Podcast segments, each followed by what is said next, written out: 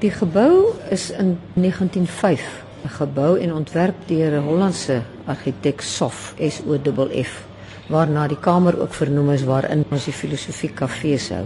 Ek is self hier betrokke hier vanaf die laat 80er jare.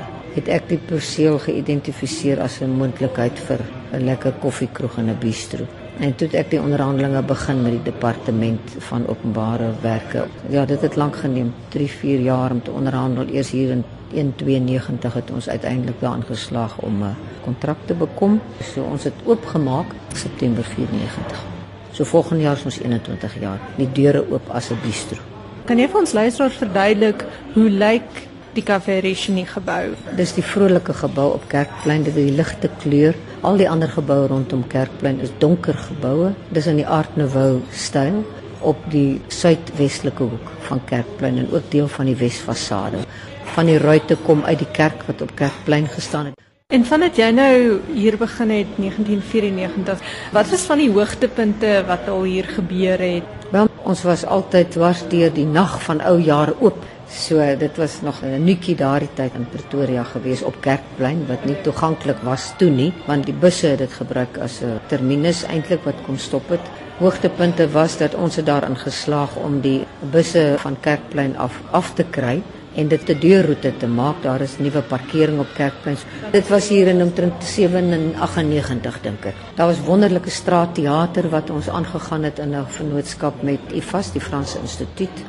Ons het geïnisieer eintlik die Woensdagparades op Kerkplein wat ons gedoen het met die nasionale seremoniele wag en die verskillende weermagorkeste wat elke woensdag die nasionale vlagge huis sit en so aan.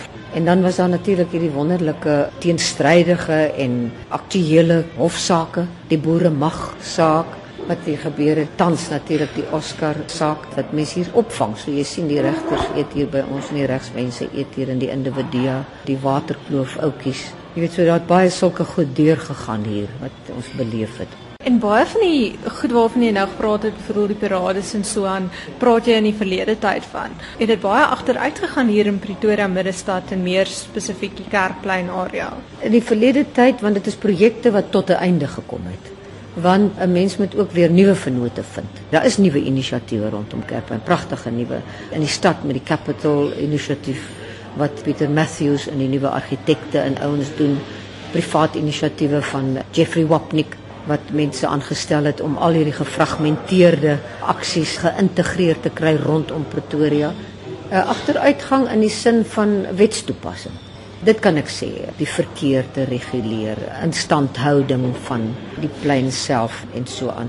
En jy's ook deel van die Ready Kerkplein beweging. Wat behels daardie inisiatief? Ek is maar net een van die lede daarvan, dit, maar dit is 'n beweging Red Kerkplein wat tot stand gekom het hier in die 70er jare verstaan ek en tans is die voorsitter daarvan Albrecht Holm wat 'n afgetrede argitek is. So dis 'n aktiewe organisasie wat bestaan uit 'n wye spektrum van mense en kultuurorganisasies. En jy het ook vroeër gepraat van dat jy wil hê hierdie hele omgewing moet meer van 'n nodes word waar mense meer interaksie kan hê met mekaar en mense op 'n straatkafee soos hierdie kan mekaar kan kom en praat oor politieke kwessies amper soos 'n openbare sfeer vorm. Kan jy ons vertel daarvan? Wel dit was nog altyd 'n visie wat ek gehad het dat dit 'n werklike stadsplein is wat die kern is. Dis die hart van Pretoria. En uh, ek sou graag wou sien dat daar soos hierdie kafee van ons hoeveel is rondom So dit is die ideaal dat daar eet en drinkplekke kom want dit is waar daar gesprek gevoer word en dit is waar revolusies gestook word. Dit is waar daar gesprekke stimuleer. Dit is ek dink waar boheemse gemeenskap gevestig word is in middestede, nie in die suburbs nie en nie op die platteland nie.